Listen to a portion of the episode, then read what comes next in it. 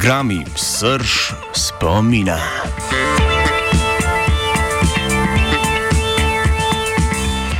Ne glede na to, ali v nas prebudijo prijetne ali neprijetne občutke, smo včasih ob vrnitvi v določen kontekst iz preteklosti deležni poplave specifičnih, intenzivnih spominov. Naj si bo to vrnitev v topu otroški dom ali v očilnico, kjer smo doživeli nekaj neugodnega, za vsakim tovrstnim priklicem spomina se kriva isti možganski mehanizem.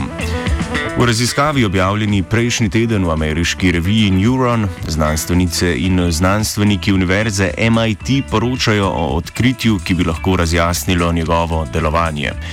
Predstavljajte si živo rumen sončni zahod, ki ga uzrete sredi sprehoda po bližnjem parku. Naenkrat vas spomni na počitnice izpred desetih let, preživete ob čudoviti plaži. Začetni spomin morda prikliče le obris celotnega dopusta, saj trenutkov zatem pa vas preseneti živ spomin na dogodek z plaže, na katerega že niste leta pomislili. Za to drugo fazo je odgovorna sprememba električne vzdržljivosti v skupkih celic imenovanih engrami. To so skupine nevronov, ki s pomočjo posebnega vzorca medsebojnih povezav kodirajo spomine.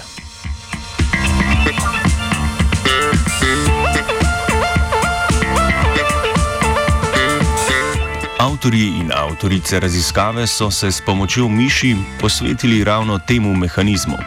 Ugotovili so, da dan zatem, ko miši v določenem okolju ustvarijo spomin, njihova vrnitev v ta kontekst povzroči povišeno električno vzdržljivost engramov, ki kodirajo ta spomin. Te skupke nevronov najdemo v hipokampusu, možganski regiji, ključni za procesiranje informacij in tvorjenje spominov.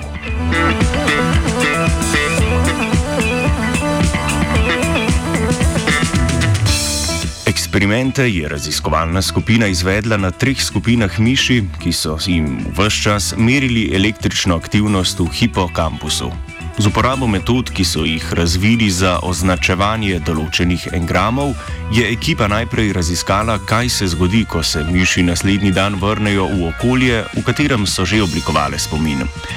Ugotovili so, da so bile engramske celice v hipokampusu najbolj aktivne pet minut po ponovni izpostavljenosti testnemu okolju.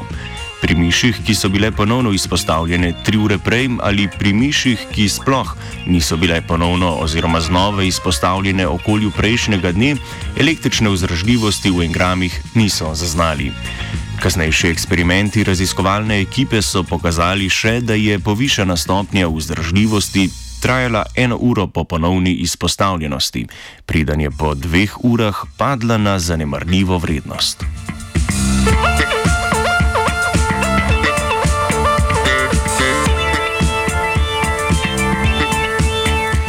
Raziskovalci in raziskovalke sklepajo, da so električne spremembe vzdržljivosti v engramih ključnega pomena za učenje in vedenje.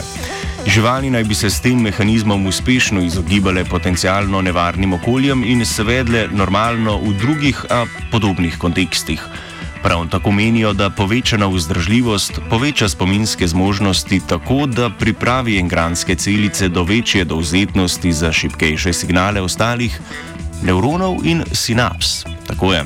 Izsledki takšnih in podobnih študij nas lahko že razmeroma kmalo pripeljejo do stopnje, na kateri bodo bolezni povezane s pominom pozabljene.